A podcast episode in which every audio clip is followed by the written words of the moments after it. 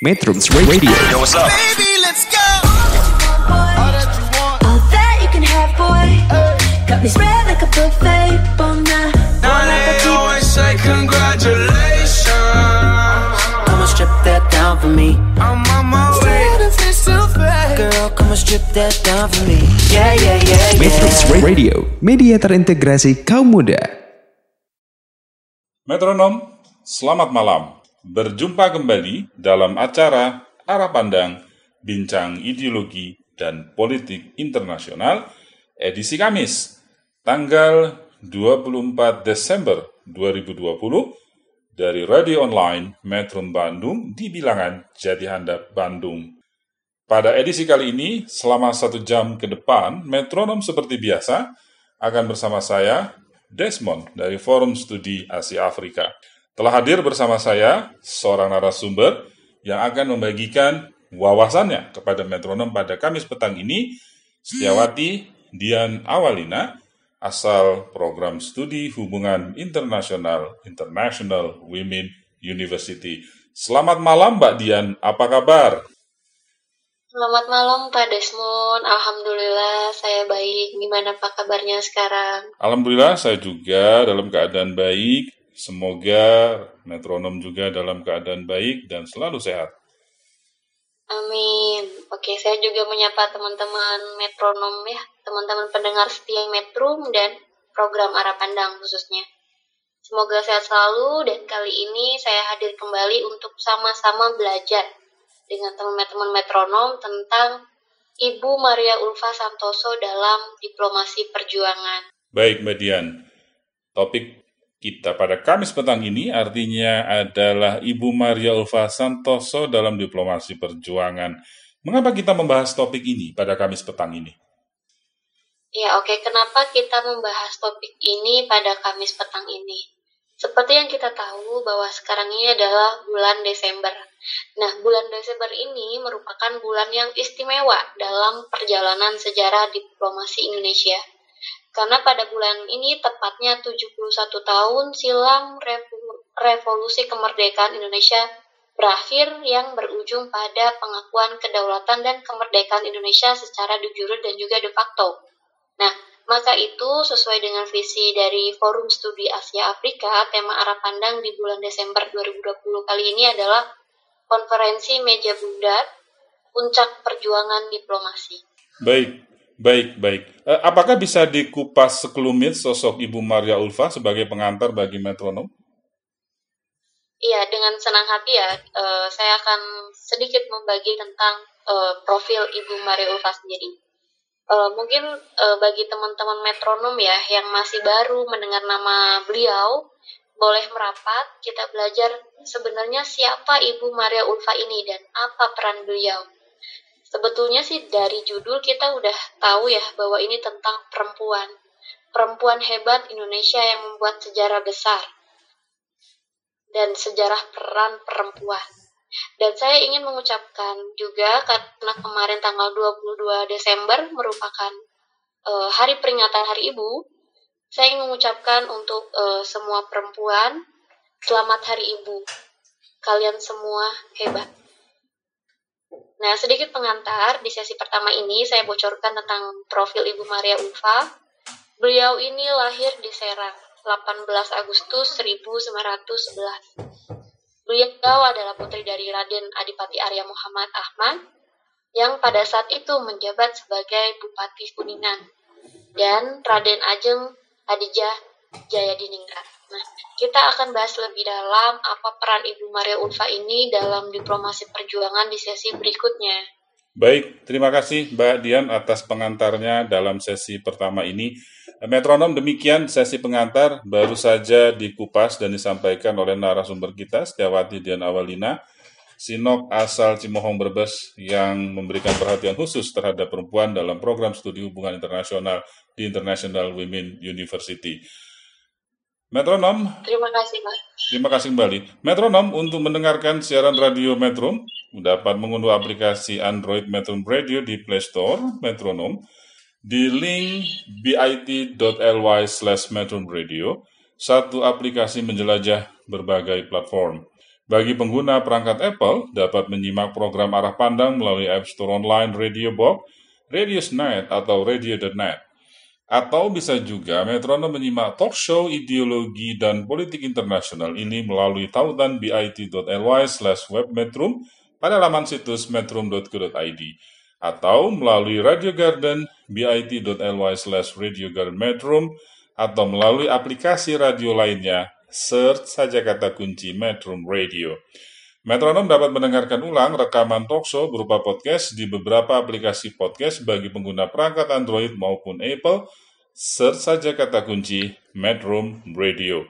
Baik metronom, kita akan jeda sebentar dan bertemu kembali pada sesi kedua dalam acara arah pandang bincang ideologi dan politik internasional yang membahas tentang Ibu Maria Ulfa Santoso dalam perjuangan diplomasi Indonesia di bulan Desember 71 tahun silam ketika revolusi kemerdekaan Indonesia berakhir pada pengakuan de jure dan de facto.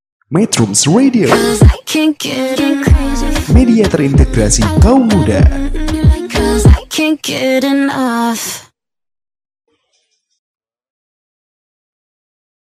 Metronom, saat ini kita telah berada di sesi kedua acara arah pandang bincang ideologi dan politik internasional. Pada sesi ini, narasumber kita, Setiawati Dian Awalina, akan membahas lebih lanjut soal Ibu Maria Ulfa. Silahkan Mbak Dian. Oke, terima kasih Pak Desmond. Di sesi kali ini, di sesi kedua ya, saya ingin sedikit menceritakan tentang Ibu Maria Ulfa Santoso dalam perjalanannya. Nah, awalnya itu di tahun 1929, Ibu Maria Ulfa melanjutkan sekolah ke negeri Belanda untuk mengambil bidang hukum di Universitas Leiden dan berhasil meraih gelar sarjana hukum pada saat usia 22 di tanggal 21 Juni 1933. Dan alhasil, Ibu Maria Ulfa ini menjadi sarjana hukum wanita Indonesia pertama. Ini mempengaruhi pemikirannya juga terhadap kolonialisme. Karena beliau berpikir, karena selama ini, eh, selama beliau kuliah di Belanda, itu sangat berbeda sekali dengan kondisi yang ada di eh, negerinya atau tanah airnya. Di Belanda, eh, beliau merasakan sebuah kebebasan, tapi di tanah airnya eh, sangat-sangat berbeda sekali. Mbak Dian barusan disebutkan bahwa Ibu Maria Ulfa ini sarjana hukum wanita Indonesia pertama. Wow, saya kok ikut bangga ya mendengarnya. Iya, dan mungkin para perempuan Indonesia harusnya tahu tentang sosok Ibu Maria Ulfa ini ya. Dan memang eh, sebaiknya demikian. Apalagi barusan disampaikan bahwa Ibu Maria Ulfah ini merasakan sesuatu yang berbeda ketika berada di negeri Belanda, di mana kebebasan berekspresi diakui dan itu sesuatu yang sangat langka terjadi di tanah airnya sendiri. Sangat-sangat langka dan eh, pada saat itu di tanah air kita disebut dengan Hindia Belanda ya. Ya, pada saat itu kita masih menjadi eh, wilayah koloni Belanda, Hindia Belanda. Dan saya pikir ini tidak hanya terjadi pada Ibu Maria Ulfa saja. Saya mem- mem- membaca beberapa referensi lain bahwa banyak juga tokoh-tokoh pergerakan kemerdekaan Indonesia yang mengalami eh, proses kebatinan seperti apa yang dialami oleh Ibu Maria Ulfa. Ketika mereka menginjakkan kaki di negeri Belanda, mereka kemudian merasakan sesuatu yang berbeda dan itulah yang sangat mempengaruhi cara pandang mereka yang berbeda terhadap kolonialisme. Nah, baik, eh, kembali lagi kepada Ibu Maria Ulfa. Lantas, apa yang terjadi kemudian dengan Ibu Maria Ulfa? Ya, kemudian setelah berhasil meraih gelarnya, Ibu Maria Ulfa ini bersosialisasi dengan para mahasiswa asal Indonesia dan ya berkenalan. Salah satunya adalah dengan Sultan Syahrir yang kemudian eh, Sultan Syahrir ini mengajak eh, Ibu Maria Ulfa ke banyak pertemuan politik di Belanda.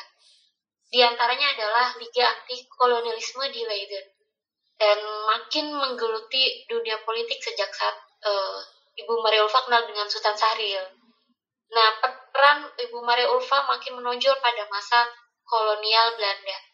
Ibu Maria Ulfa ini kembali ke Hindia Belanda pada Desember 1933. Nah, Ibu Maria Ulfa ini pulang ke Hindia Belanda dengan menumpang kapal laut milik perusahaan pelayaran Stomford Maskapai ya, kalau tidak salah penyebutan seperti itu.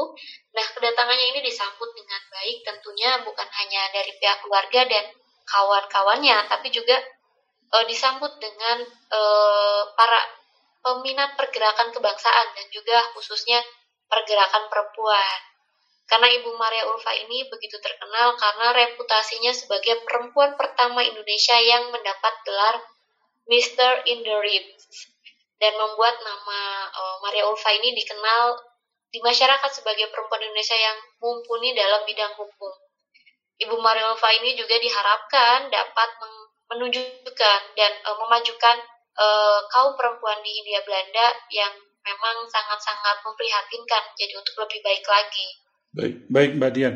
Barusan disebutkan bahwa uh, Ibu Maria Ulfa berjumpa dengan Sultan Syahrir. Ini saya menduga pada saat itu mereka bertemu di dalam konteks Indonesia Vereniging atau Perhimpunan Indonesia di mana di sana ada Bung Hatta, ada Sultan Syahrir dan banyak mahasiswa ya, Indonesia saya, lainnya. Saya rasa saya rasa di uh, lingkungan itu ya karena memang ya. mungkin karena kedatangannya setelah uh, menimba ilmu dan mereka mungkin ya semacam merumuskan sesuatu untuk Betul. negara atau tanah airnya untuk bisa lebih baik lagi. Betul.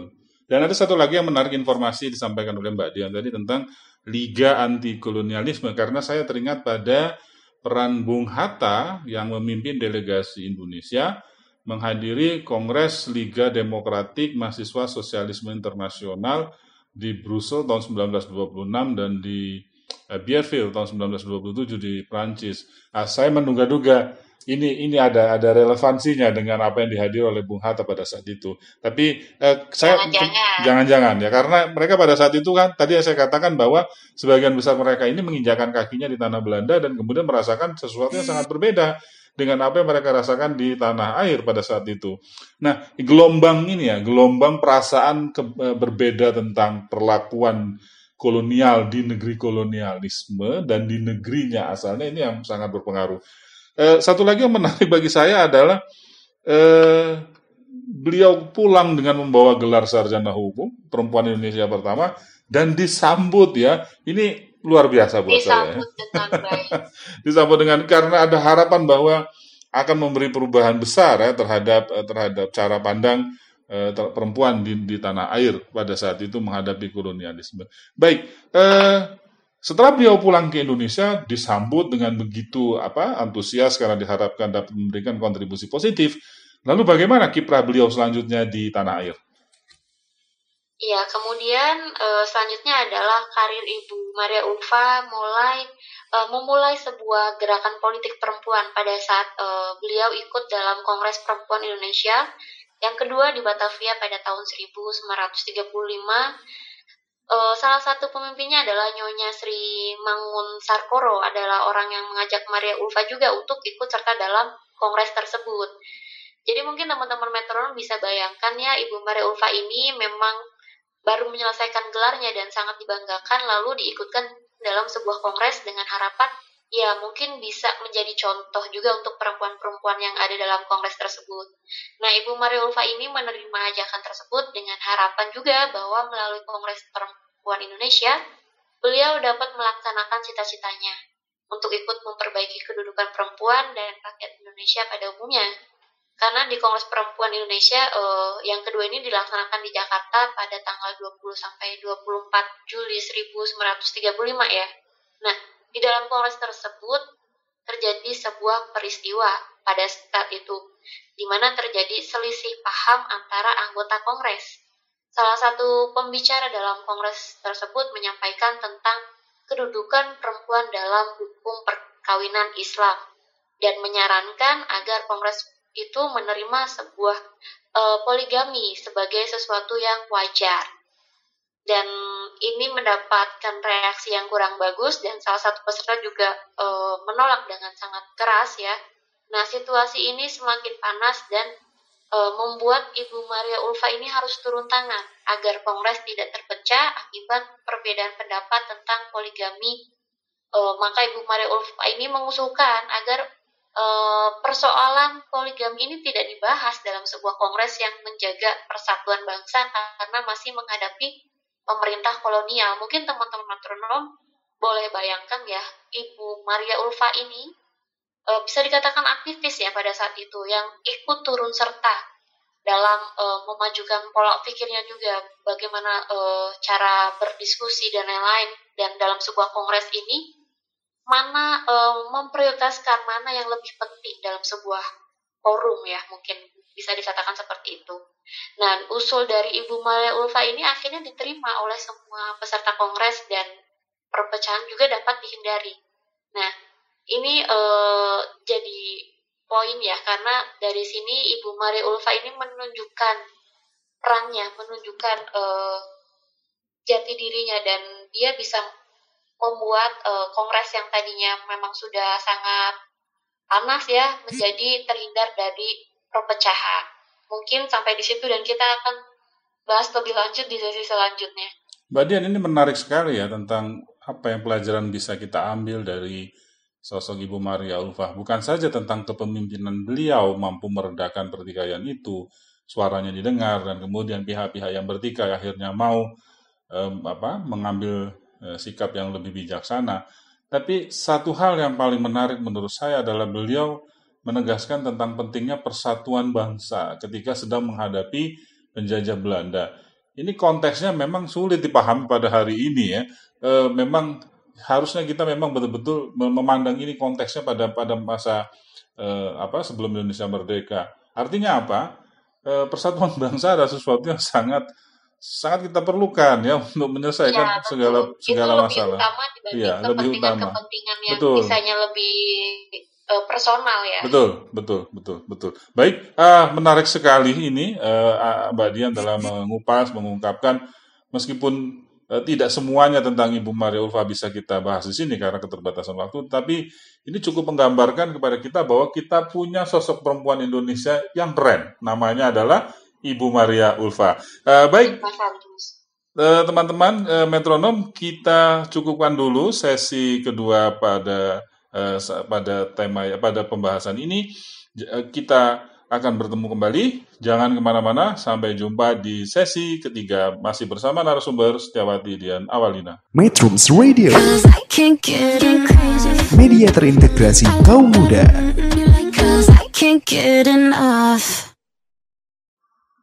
Metronom, kita saat ini berada di sesi ketiga acara Rapandang Bincang Ideologi dan Politik Internasional.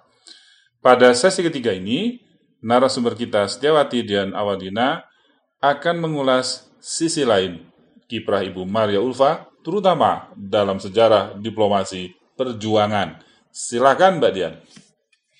Terima kasih banyak Pak, dan semoga saja teman-teman metronom masih bersemangat ya untuk menyimak tentang Ibu Maria Ulfa ini. Seru sekali penjelasannya, harusnya masih ya? Iya, harusnya.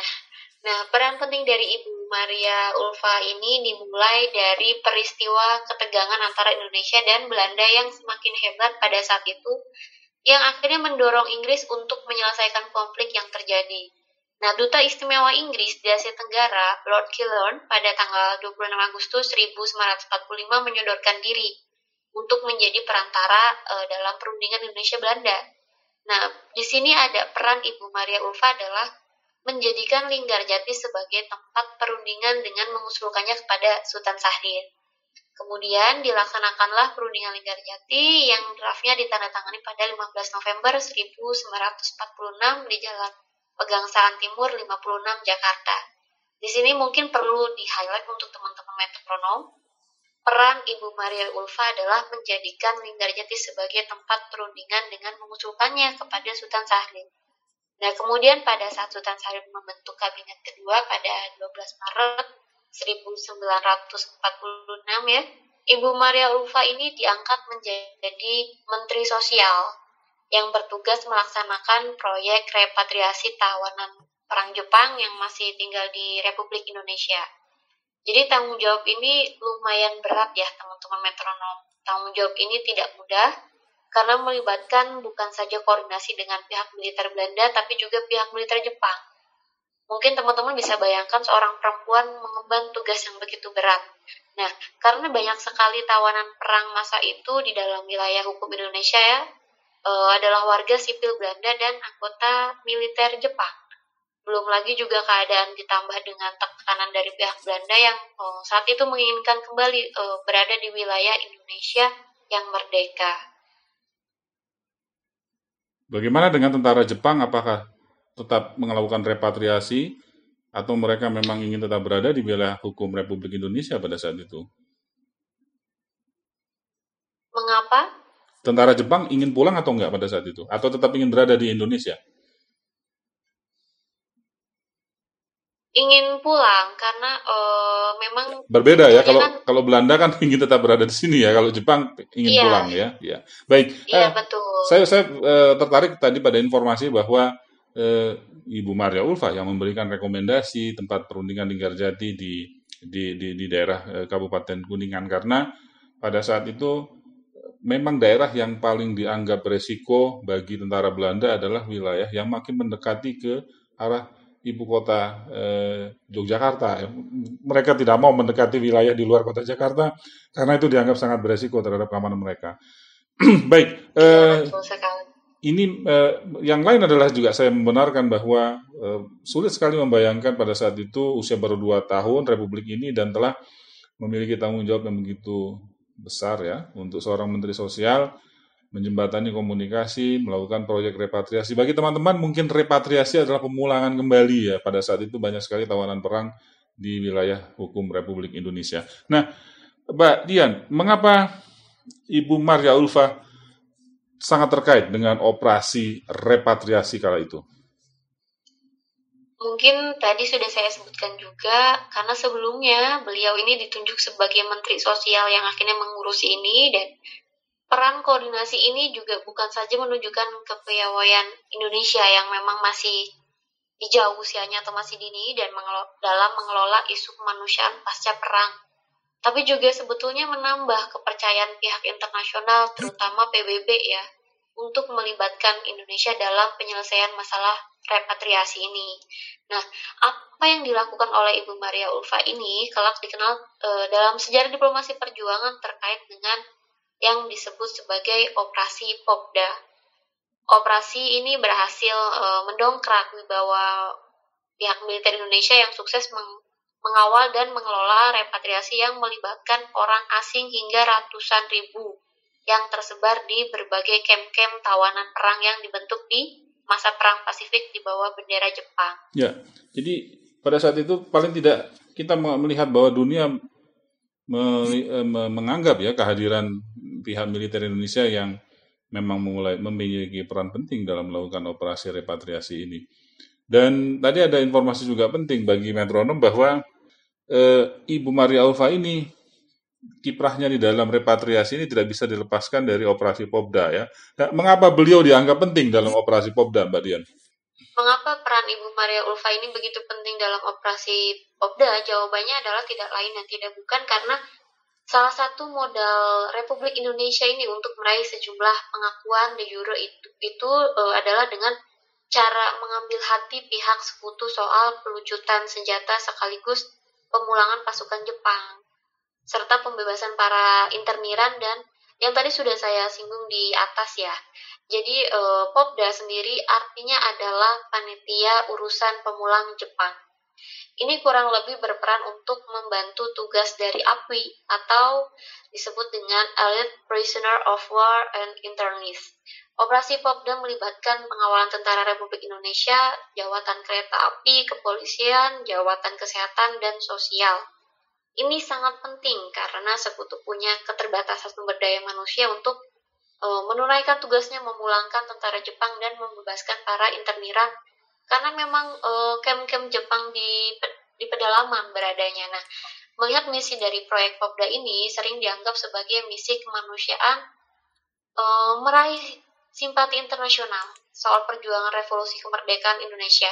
Jadi Popda ini sukses mengevakuasi 36.000 interniran dan 35.545 prajurit Jepang. Mbak Dian, ini angka yang tidak kecil ya, 36.000 interniran dan 35.545 prajurit 35.545 Jepang. prajurit Jepang. Dan Jadi dikelola, tadi juga disebutkan kem-kemnya itu Iya. di pedalaman. betul, dikelola oleh negara yang merdeka hanya baru beberapa tahun ya, dan dan itu melibatkan sosok Ibu Maria Ulfa. Ini sesuatu yang eh, kondisinya tidak bisa kita bayangkan pada hari ini dengan kecanggihan transportasi, teknologi komunikasi dibandingkan pada masa itu hambatan-hambatan yang dihadapi mereka dalam menyelesaikan masalah eh, evakuasi ini. Tadi ada yang menarik tentang eh, keterbatasan eh, sekutu. Ini teman-teman mungkin metronom yang memerlukan informasi tambahan bahwa pada saat itu berda- berdasarkan perjanjian yang disepakati oleh sekutu, mereka ditugaskan untuk melucuti tentara Jepang di kawasan Asia Tenggara yang tadi disinggung oleh eh, Mbak Dian. Mereka eh, ditugaskan di Asia Tenggara untuk melucuti tentara Jepang pasca kekalahan kelompok Tripartite Agreement yaitu Jerman, Italia, dan Jepang. Sehingga kedatangan mereka ini memang jumlahnya nggak banyak ya karena tersebar di seluruh kawasan eh, Asia Pasifik. Ini informasi tambahan saja, tapi kembali lagi Mbak Dian, saya membayangkan eh, 36 ribu interniran dan 35.545 prajurit Jepang yang harus di dievakuasi pada dievakuasi. saat belum belum belum canggih ya transportasi Betul. secanggih sekarang ini. Walaupun di situ tadi diinformasikan oleh Mbak Dian bahwa banyak sekali ya kelembagaan yang dilibatkan interkem inter apa antar kelembagaannya misalnya Tentara Republik Indonesia nama aslinya sebelum TNI terus tadi kalau nggak salah ada jawatan kereta api yang ya, ya pasti ya, karena jabatan membawa kereta api, ya, kepolisian, kepolisian, kesehatan, jabatan sosial. kesehatan dan sosial dan eh, jangan lupa dugaan saya bahwa banyak eh, interniran Belanda terutama ini kan mengalami kondisi gizi buruk ya ketika mereka selama hampir tiga tahun setengah di masa kolonial Jepang dan kemudian mereka harus diselamatkan untuk pulang lagi ke negara asalnya ini negara asalnya. Ke- kebayang nggak sih oleh metronom ya hati sekali ya Iya. Indonesia ini. Iya, eh, itu tadi koordinasi dan ini ada, ada peran Ibu Maria Ulfa. Keren buat saya, keren-keren sekali. Tapi kita gini, membayangkan betapa, saya membayangkan chaos gitu ya, 36 ribu interniran dan 35.545 harusnya bu- harusnya itu adalah eh, bukan sesuatu yang mudah dan saya membayangkan itu chaos, Ibu. Chaos berarti tapi tidak chaos ya, berhasil dikembalikan oleh mereka. Baik, terima kasih banyak dan sukses. dan sukses ya. Terima kasih banyak informasinya Mbak Dian. Ini menambah apa wawasan kami ya, tentang sosok Ibu Maria Ulfa, terutama bagaimana mereka eh, beliau memimpin Menteri Kementerian Sosial di Republik ini di masa awal kemerdekaan, yaitu menjalankan fungsi utamanya adalah humanity service.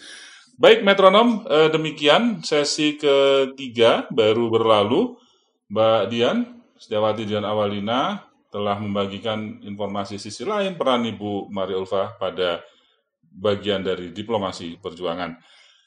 Kita jeda dulu sejenak, sampai jumpa kembali di sesi keempat. Metrums Radio, media terintegrasi kaum muda.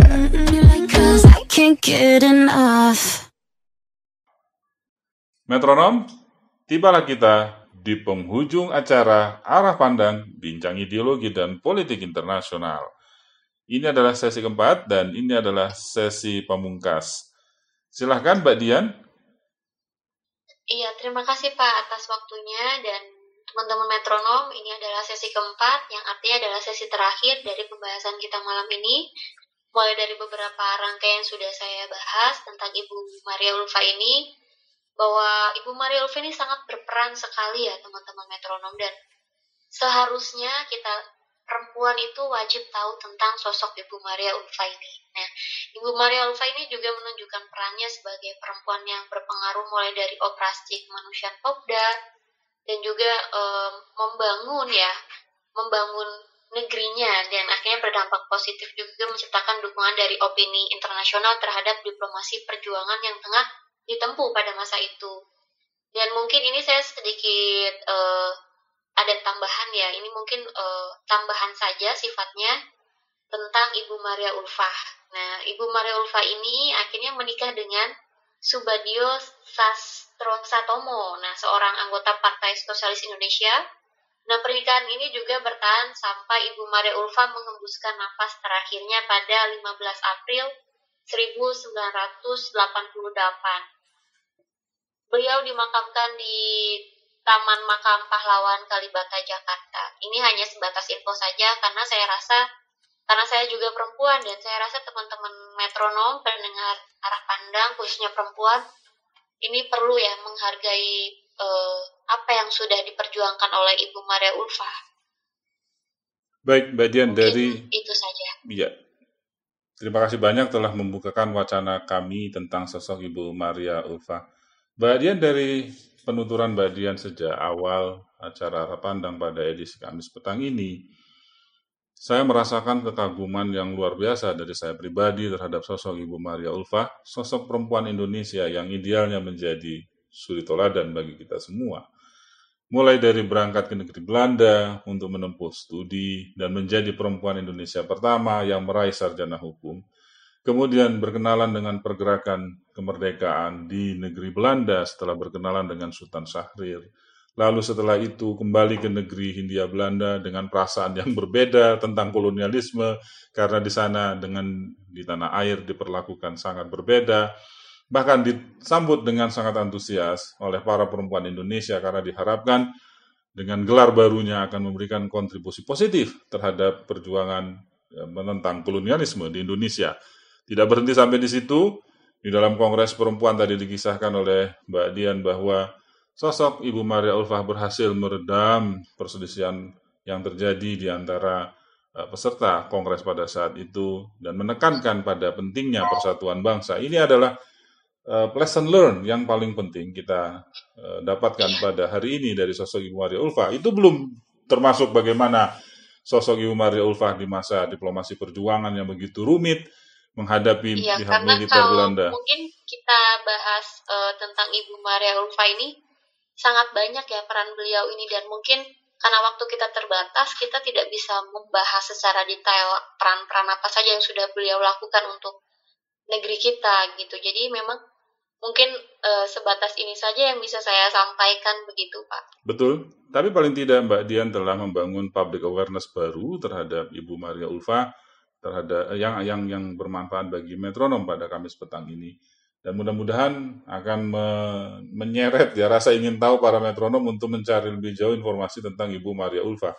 Saya teringat bahwa di dalam daftar nama delegasi Konferensi Asia Afrika di dalam delegasi Indonesia terdapat nama Ibu Maria Ulfah Santoso. Ini yang banyak tidak diketahui oleh publik bahwa ada delegasi perempuan Indonesia yang menghadiri konferensi antar benua pertama bangsa kulit berwarna. Keren nggak? Ya, luar biasa. Baik, eh, semua ini adalah bentuk kita menghargai ya, kiprah apa yang sudah dilakukan oleh Ibu Maria Ulfah. Semoga menjadi spirit bagi perempuan Indonesia, terutama pada bulan Desember.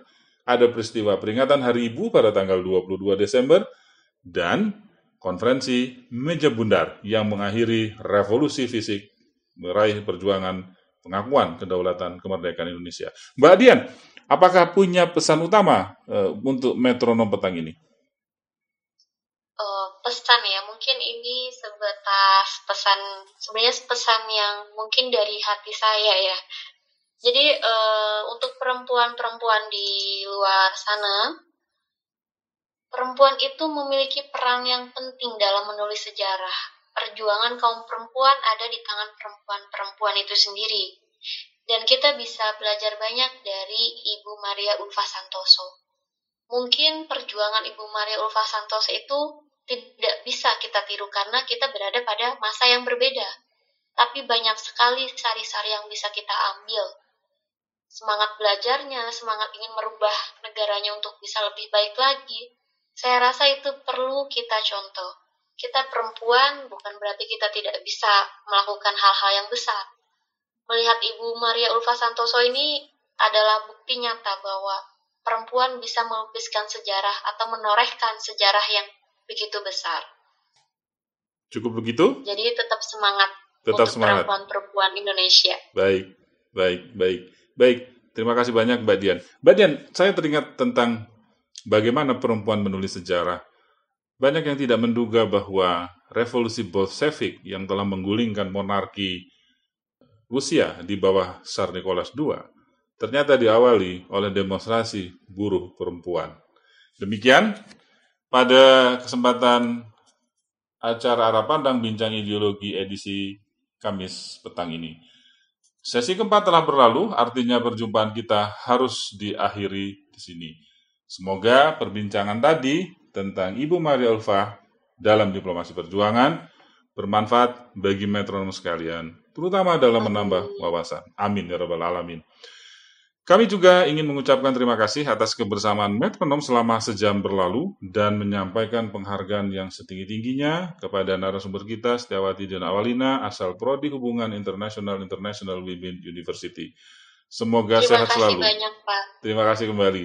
Amin dan terima kasih banyak juga saya ingin mengucapkan karena masih dipercaya ya untuk bisa sama-sama sharing materi terkait program arah pandang ini. Baik, tentu kami sangat menantikan kembali di masa depan informasi-informasi yang menggugah, yang inspiratif, terutama tentang peran-peran perempuan di Indonesia, Asia, dan Afrika. Sampai jumpa kembali Terima kasih. Kamis pekan depan dengan topik-topik yang menarik dari Forum Studi Asia Afrika. Tetap stay di Metro Radio, media terintegrasi kaum muda dalam jelajah komunitas. Selamat malam, merdeka! Merdeka. Metrums Radio All that you can have, boy. Got me spread like a buffet, bon now. Now they always say congratulations. That down for me. I'm on my way. Girl, come and strip that down for me. Yeah, yeah, yeah, yeah. Metrums Radio Media terintegrasi kaum muda